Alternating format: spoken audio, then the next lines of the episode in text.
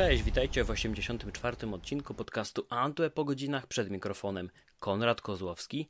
Gościem dzisiejszego odcinka jest Andy Weir, autor książki Projekt Hail Mary, która debiutowała 5 maja. Autor ma też w swoim dorobku dwie inne książki, Marsjanin i Artemis. O tej pierwszej na pewno słyszeliście, bo nawet jeśli jej nie przeczytaliście, to zapewne widzieliście film z Mattem Damonem, który okazał się gigantycznym hitem. Wiemy też, że książka Hail Mary zostanie zekranizowana, a główną rolę w tym filmie zagra Ryan Gosling, którego pamiętamy z występu w pierwszym człowieku, więc takie, więc takie około kosmiczne tematy nie będą mu obce.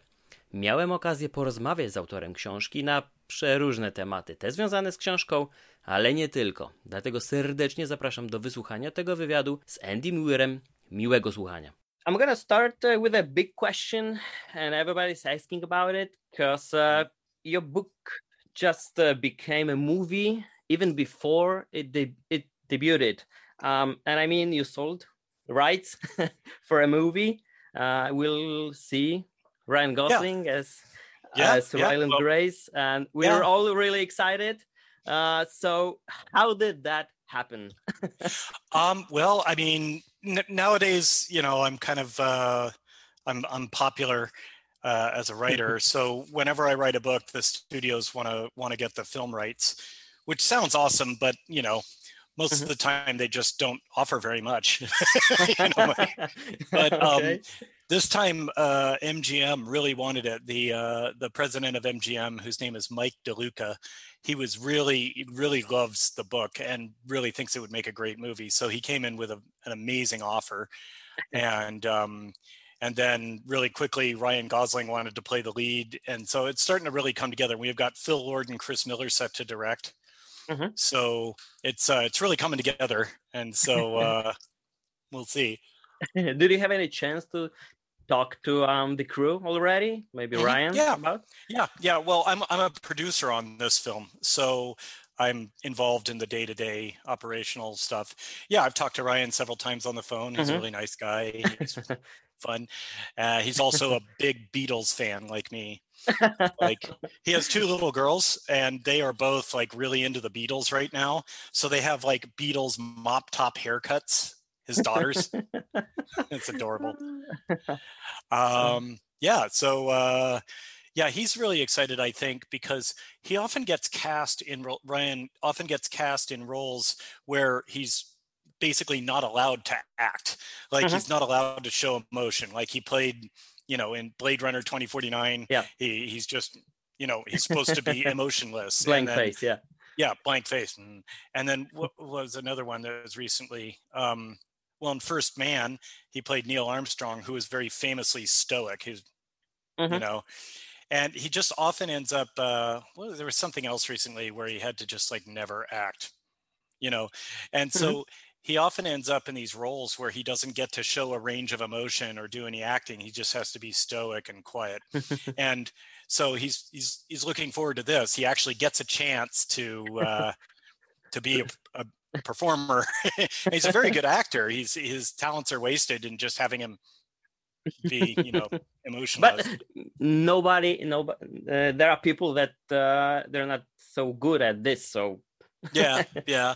Well, he's good at both.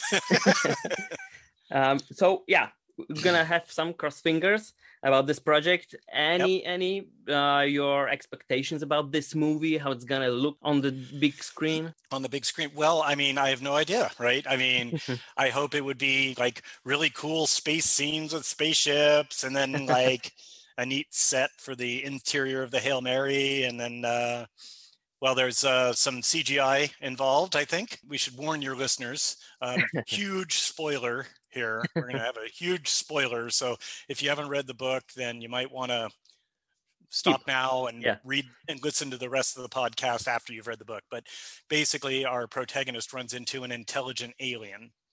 Um, who you know is out there uh, in space and and it's basically a first contact story mm-hmm. and so that'll be really fun and um, the cgi to do the alien will probably be really cool okay, okay. Um, did you write this book thinking that it it would end up on the big screen? Because you just mentioned that you know there are some ex expectations from the studios. Um, was it just in your head all this time? I tried not to. No, not. I mean, I knew that it was likely that I would sell the film rights, but I didn't write the book to be a good movie. I always tell writers, you know, when they ask for advice, I always say like, don't don't write a book mm-hmm. with the idea that it'll be a movie. If you want to write a movie, write a movie. Write a screenplay. Mm-hmm. You can you can go straight to screenplay. You can write a screenplay. You can pitch it to Hollywood. You can try your best. I mean, it's hard to break in, but at least if you're writing a screenplay, you're being honest with yourself. If you write a movie with the idea that it'll be, I'm sorry, if you write a book with the idea that it'll become a movie, you'll generally have sort of a bad book. Mm-hmm. Um, so if you're going to write a book, write a book. And so that's that's my philosophy and idea. Like um, there's a lot of stuff actually in Project Hail Mary that the directors and, and writer are, are having a tough time putting into film. So mm-hmm. for instance, um, in the book, the alien, Rocky, as he's nicknamed by the main character. Hmm. Um, Rocky speaks with like musical notes. He, his his language is kind of like whale song, but with multiple notes. So it's like chords and you know mm-hmm. that's what his language sounds like.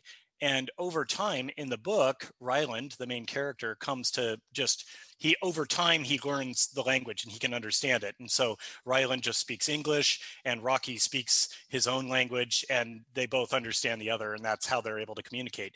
But um, in a film in the book i could i could show that by just saying first i did like musical notes and showed how they're learning each other's languages and then from then on i could just put rocky's dialogue in italics right. and just italic text and the reader understands that means that rocky is speaking his own language but ryland is understanding it.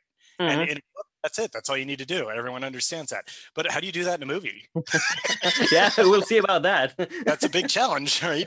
And so that's like an example of uh, at the time uh, I was writing it, I didn't even think of like, oh, how will this be uh-huh. made into a movie? I don't know. I was like, that's not my problem. I, mm-hmm. my job, I'm a novelist. My job's to write the book.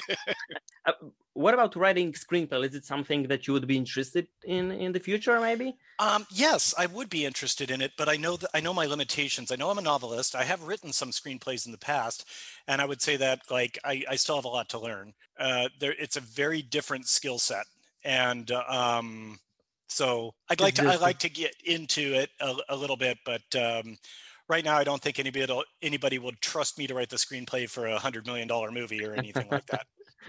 We've got Drew Goddard working on the screenplay for mm-hmm. Project mm-hmm. Hail Mary right now. He's a fantastic uh, screenwriter. So um, he's the one who wrote the adaptation of The Martian. So I'm sure it'll be really good. That's a good sign. Yeah, that's a good sign. Um, so let's just focus on the book right now. Um, All right. In one of the interviews I've seen online, it was, I believe it was for CBS. Um, you mentioned that uh, this book um, is just a um, compilation of your ideas. And yeah. I, I, what are those ideas? And uh, I'd like to address some specific uh, topics from this movie, like teacher becoming an astronaut and uh, the effect on the planet, just like it was mentioned in the interview, it's uh, it's just cooling down uh, the Earth, and it's quite opposite of our reality. Well, um, so the yeah, most of my stories come from me thinking about a specific technology, like how could we put people onto Mars? You know, mm-hmm. I was thinking about that, and that's what led me to come up with the Martian, or what will humanity's first city that's not on Earth be mm-hmm. like? That's how I came up with the idea for Artemis, my second book that no one's read. And then um, um, for Project Hail Mary, though, I was it was kind of the junkyard of my mind, like all these ideas that I'd had for stories that each idea by itself wasn't enough for a book. Mm-hmm. Like one idea was a a spacecraft fuel that could convert mass into energy as mm-hmm. light and then use the light as propulsion. That that would be really cool because you would need very you wouldn't need very much fuel to be able to fly all around the solar system and stuff like that. And mm-hmm. you could even do interstellar travel. I'm like, that's neat, but that by itself is not enough for a story. And then another idea I was thinking of was um, a guy who wakes up with amnesia aboard a spaceship. I'm like, okay, that's interesting, but of course I why is he aboard a space? Why is he amnesia? Why, well, I don't know, but Hmm. just the kind of scientific process you'd go through to even figure out that you're on a spaceship would be kind Mhm. of interesting. Another idea was uh, I always wanted to write a first contact story, you know, Mhm. where you know humans encounter aliens and do it my own way, and so I had all these different ideas, and one way or another they started to really come together. The big one was uh, coming up with astrophage, which is the Mhm. main kind of driver of the plot. I, I wanted that fuel, right? That that spacecraft fuel that does mass conversion. And I thought, well, I mean, I could write a story about that, but that technology is way beyond anything we have, right? I mean, my story, if this is something that people invented, it would have to take place like, you know, 300 years in the future. And I didn't, I didn't want to go that far out. And I'm like, well, what if it's alien technology that humans find? Right. I'm like, Mhm. well, that's interesting. But then I got to come up with the whole aliens, you know, I got to come up with like an alien species who is like more advanced than humans. I, I knew I wanted to write a first contact story, but I, I, well, I'll get to that in a second. But anyway, I didn't want to come up with an advanced group of aliens who, for some reason, don't show up or do anything. And so Mhm. I'm like, well, let's see. I, I, what if it's not a technology that does this? What if it's a life form? What if it's a naturally evolved life form? That can like store energy. I mean, life forms, we develop great ways of storing energy. We store it as ATP, stuff like that. Right. I'm like, what if some life form out in some other star system evolved to store energy as mass and then could release it as light to propel itself through space? Then I thought, well, why would it propel itself through space? You know, I'm like, Mhm. I don't know why it would propel itself through space, but that explains how it gets here, right? that explains how we find it. It's from some other star system and it's like a single celled organism that can go through space. Okay, that's neat. But why? And I'm like, well, it's mold, basically. It goes to other star systems and seeds itself. And I'm like, okay, where does it get all that energy? You know, that's a lot of energy. And then I'm like, oh, it doesn't have to live on a planet. It can live on a star. Okay, there we go. So now it's it's like mold that lives on stars in the way algae lives in an ocean and it seeds itself to other stars and it come and we find some in our system. And at first i thought oh that'd be cool. We'd find some of this stuff then we'd start farming it and then we'd use it for spaceships and stuff like that. And i was like oh but we'd have to be really careful not to let it get into our sun because that would be a Mhm. disaster. And i'm like wait no that's exactly what should happen. That's a book. That's a story. That explains why there's these huge stakes and stuff like that so and all of that, that happened over weeks, months. yeah kind of weeks months like bit by bit i'm like oh this idea and this idea can be connected this way and oh this idea Uh-huh. and this idea worked out and then i'm like oh okay things are starting to really come together Uh huh. And the project Hail Mary makes you realize that uh, one of the most important sources of life can easily just defeat us. Um, and there are even more of them. Um, so, was it your purpose to make readers realize and thinking, wondering that our life is so special and precious? um, I, I i don't have a purpose when i'm writing a book i just want to entertain the reader that's all i want Right. so i'm not trying to make you think or anything like that but yeah i've always thought it was interesting that you know most stories that show first contact between humans and aliens it's assumed that it'd be intelligent aliens Mhm. but why would it be it would be just like this time. Yeah, right. It's like the you know the first contact between like ancient Asians and ancient Europeans Mhm. really wasn't them saying hi to each other. It was probably just some you know you, barley from Europe found its way to Asia started right. growing. You know, but nobody really noticed and nobody really cared. uh-huh.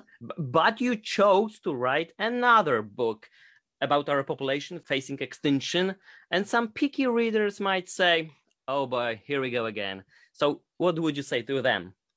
What what what what? Because it's uh, what do you mean another book? It's just because there are so many books about Yeah, yeah, about about just our populations, civilizations facing facing extinction. um, it's a it's a it's a little bit of a trope, I suppose, in science fiction, but that's what kind of naturally evolved from the ideas that I had. I was Mhm. like, oh, okay, yeah. I mean, the sun is dimming, and so all of humanity is at stake.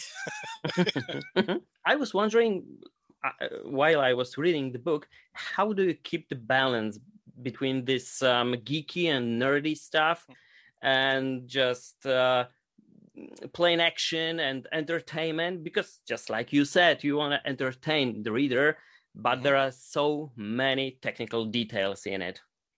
Yeah, that's always a challenge for me, although that's kind of what I do, right? That's my specialty is I like realistic science in my sci-fi. And so I, I uh, you know, I, I don't let, how do I put it? Uh, I, I always try to stick to the real science and I don't let the complexity of the science get in the way of a good story. So if it's really complicated, I will put a lot of time into finding a way to explain it to the reader so that they Mhm. can understand it and I'm not talking down to them and, Mhm. and just so that they can pick it up. And one thing I've found is that um, first off, I only give the reader just the bare minimum of what they need to know to understand the situation. I don't go off on long tangents. I don't go uh, stuff like that, or I try not to. Uh, Mhm. it's really interesting to me, but it's not necessarily interesting to the reader. Mhm. And um, so I, I just try to say like, okay, this is the minimum amount of scientific knowledge that the reader has to have to understand this plot point. Okay. Mhm. And then the other thing is I, I don't explain it like a Wikipedia article. I have it come up organically. I have the the main character talks about it either to the other character or just narrates it. And one thing I've found is that the reader will forgive any amount of exposition if it's funny. If you Mhm. make the reader laugh, they'll be happy to just keep reading, you know, stuff about science. So humor is the secret. Uh, was there a lot of that stuff that you have to cross out? Um, I had to be careful. My biggest challenge on the science stuff is keeping it clear and concise and fast. I don't want to go paragraph after paragraph after paragraph Mhm. describing something and beating them over the head with it. And they don't need to fully understand all of the details either. You know, Mhm. they just need to understand, oh, um, mass conversion is a thing that it is it is a real physics thing that it's possible to turn mass into energy and that energy will be in the in the form of photons. Mhm. and i don't need to go through all the details of explaining why or how that happens.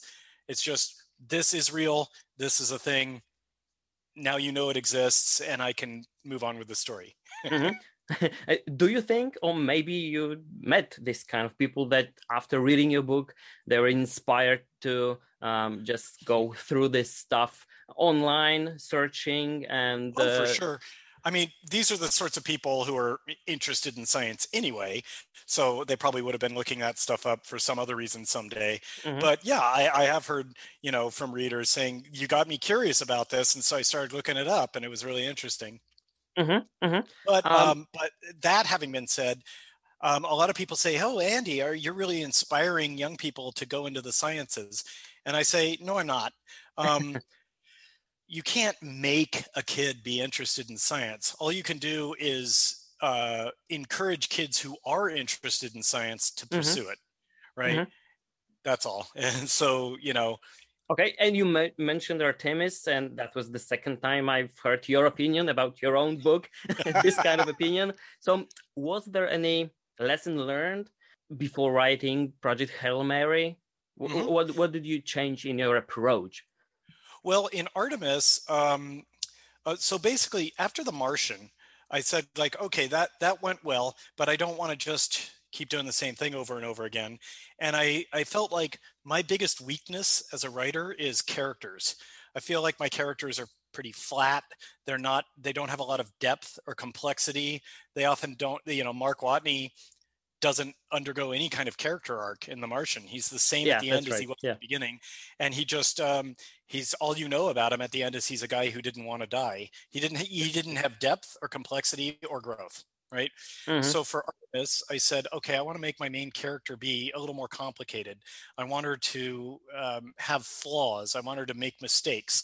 I want her. I mean, Mark would make mistakes, but I want her to make bad judgment calls, Mhm. and um, I want her to have regrets of things she's done wrong, and I want her to grow as a person over time. And by the end of the book, I want her to realize that she was wrong in her thinking on earlier stuff, you Mhm. know. And so that's what I did, and that's with the character of Jazz. And I kind of based her off of the flaws that I had when I was her age. So when I was her age, 26, I was a screw up, and I I made lots of mistakes and bad decisions in my life. And so I said, like, okay, I'm going to have her have those same flaws. And I guess what I learned from that was I made her a little too flawed. I made her um, kind of too too much uh, too often her problems are caused by her right. and um, and that's i mean i did that on purpose but what i've learned is that a reader has a very difficult time rooting for a character who's causing their own problems the mm-hmm. the reader's like come on you know they get frustrated and it's hard for them to root for that character. So for a lot of readers they didn't they didn't like jazz as a person. They didn't like her and they they had a hard time rooting for her. So what i learned from that was okay i did i i got the depth and i got the growth but yet the protagonist has to be likable. Yeah mm-hmm. i mean you you have to root for the protagonist and feel like oh what would i do if i was in her shoes? and that sort of stuff. So for project hail mary um, i tried another approach with uh, ryland grace. Well first off for the first time i made a character that isn't based on me. He's not my personality. Mark and jazz were both just aspects of my own personality but ryland grace i said like i got to grow as a writer which means my characters need to not just be me. And mm-hmm.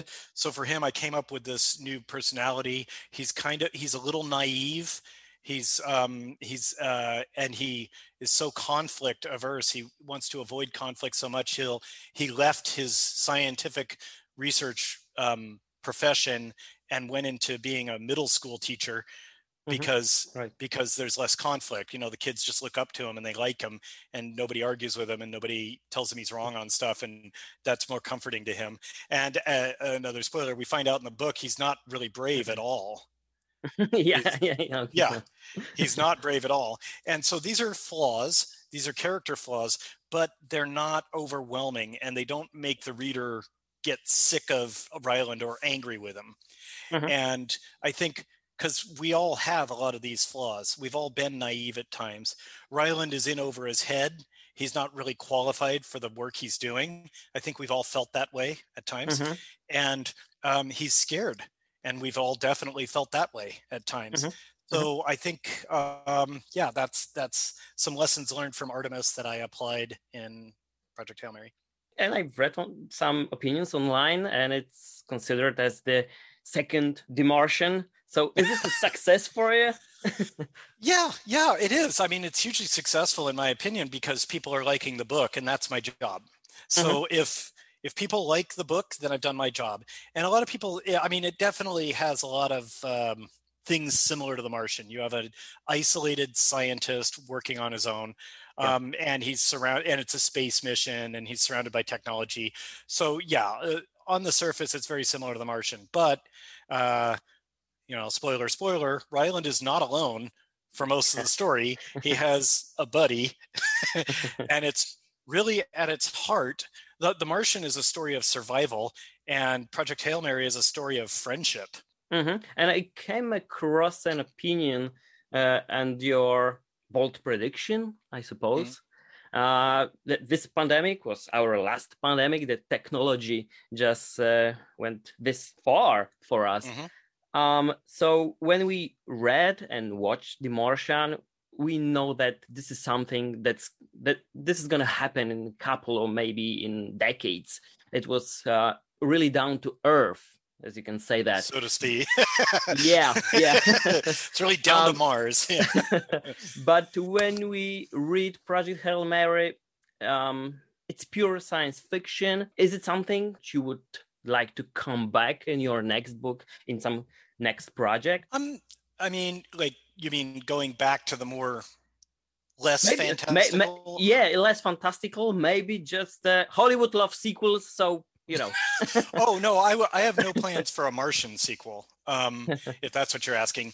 No, um, I've thought about it. I mean, obviously, I would make a huge amount of money if I made a sequel to The yeah. Martian. Everyone would buy it, but I can't think of any ideas. Did anybody ask? Suck. Sorry. Oh, everybody asked. Oh, yeah. The publisher says, "Hey, you know, if you ever want to know," and the film studios are like, "You let us know if if you make a sequel to The Martian, we want to know." you know. Yeah. um, but there's just no I don't have any ideas. It's a mm-hmm. it's a one and done story. I mean, Mark Watney survives and he goes mm-hmm. home. And so what do you do now? If he gets in trouble again, that's really strains credibility, right? That's not very likely that he would, oh, what do you know, this poor guy, you know, that would be dumb. And if somebody else is in trouble and Mark is maybe helping from mission control or something, yeah. then it's not the same story. It's not as interesting. It's like you like Mark Watney, you want him to be the guy who's in trouble. Mm-hmm. And then finally, another idea would be, oh, cover their journey back to Mars. Uh, sorry, back to Earth from Mars because they still have like, you know, eight months to survive on the way back, and their ship is like has been is years beyond its functionality date. It wasn't designed to last as long. They could have all sorts of problems on the ship, mm-hmm. but it really wouldn't add anything. It would just be kind of more of the same, right? It That's what those people like, okay. love. right, but it'd be just like and it would be much less interesting. He's not on Mars anymore. He's just on a ship. He's not alone anymore. He has five extremely capable crewmates with him. Mm-hmm. He can't be isolated from NASA. There's no way that a ship would lose communication with NASA. I mean, it must have like four backup communications. So there's no way. and so he has all the people. They he wouldn't be alone. He wouldn't be on Mars. He wouldn't be isolated from NASA um, it would be a completely different story and the stakes would just be so much lower. So yeah th- that's all true but uh, you know how the world works. So let's talk about space exploration. Um, when we were talking about the season two of mars series um, you told me that uh, yeah we're gonna maybe live and grow on mars and people will uh, choose this uh, path of uh, exploration. This is the this is the closest planet that we should go to. This is the place where we, we can basically terraform it into the earth. Maybe elon musk i mean uh, has this plan going to take a few centuries before we get to yeah. that level of technology but theoretically but, yeah. Yeah but exactly. How much of that uh, theory in your opinion is uh, really plausible in our uh, lifetime basically? Oh like well for terraforming zero. There's no mm-hmm. chance that in our lifetime i think it's going to be many centuries before we have even remotely the technology to terraform mars. But so, is it something that we should do? Or maybe just find another way to live on mars? I don't know. Um, i'm sure what ultimately will be done is whatever is economically feasible, right? Mm-hmm. If you could actually terraform Mars, then you've just created an entire planet full of real estate. That's pretty good.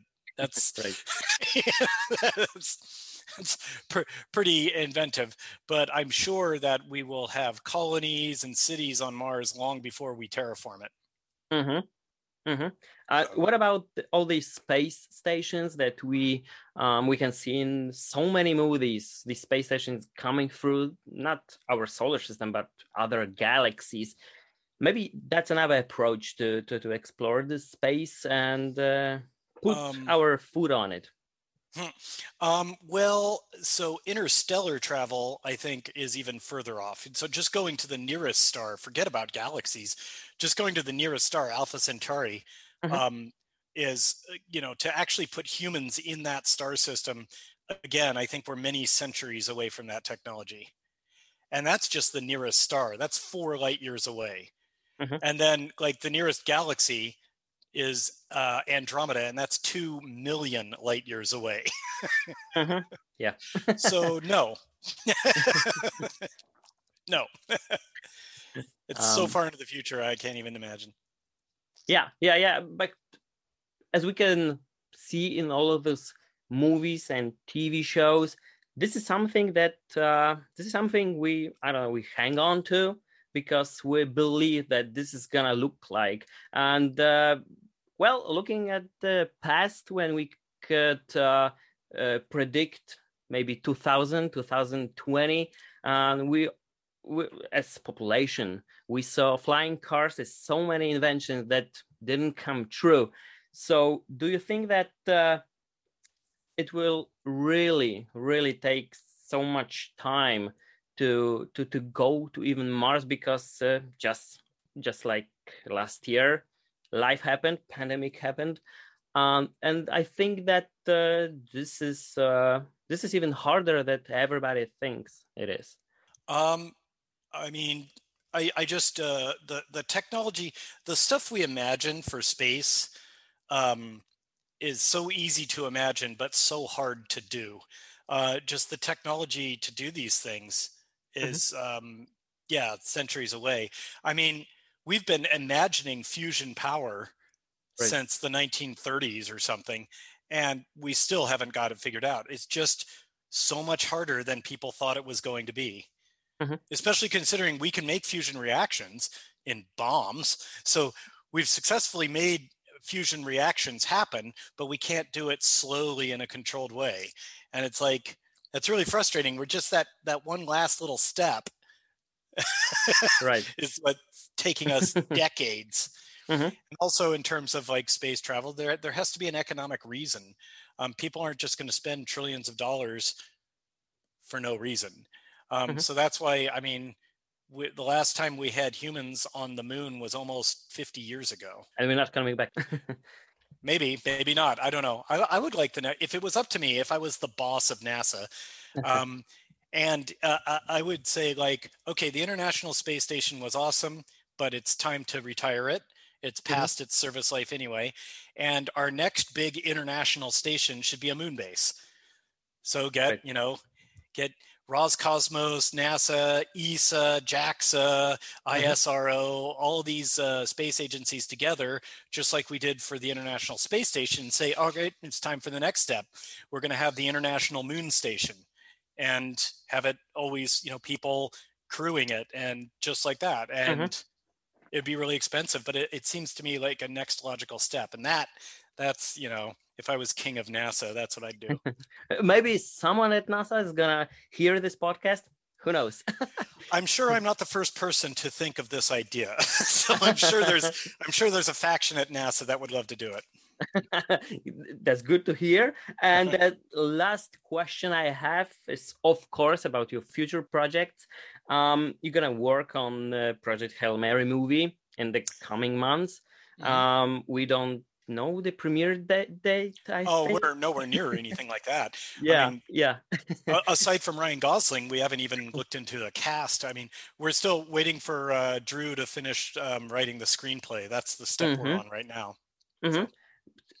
Is it anything on your mind that you can uh, work next with? I'm, I'm working on my next novel now. Uh, yeah. next oh. Okay. I'm working on my next novel now, but I'm not talking about it publicly because I've right. learned that sometimes I'll get quite a ways into a book before I realized uh, mm-hmm. this isn't working, and I set it aside. So uh, yeah, I don't talk about a book publicly until I'm sure that's the one I'm going to write. And what about TV series, TV shows? Um, this is something you mentioned after directing the the the, the, the pilot, I believe. Uh, it was uh, Mission Control. Yeah, that yeah, was a TV show. We made a yeah, and it wasn't picked up. Uh, I haven't been doing any TV work uh, since then. I've been busy with my books and stuff, but I would love to break into TV. Mm-hmm. I like it. It's an infinite canvas. You can have like a lot of complexity that you can't have in a movie. Okay. Okay. I, I, I suppose our time is up. You mean I'm going to do?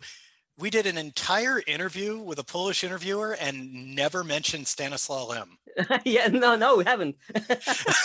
I, that's never happened to me before. Every time it's a Polish interviewer, they're like, let's talk about Stanislaw Lem. yeah, this is like uh, talking about uh, John Paul II and Robert Lewandowski. It's the football yeah, soccer exactly. player. So in this in these areas, I'm I'm, I'm trying to avoid. Uh, these obvious topics and questions. I thought it was good, but I see a point. It's very good. No, it's very good. I, I just thought it was funny. It was really nice talking to you. Thank you so much for your time. And thanks uh, for having me. It was a pleasure, and I I really counting that we're gonna speak soon. All right. Cool. Thank you so much. Thank you. Bye bye. Take care. Bye bye.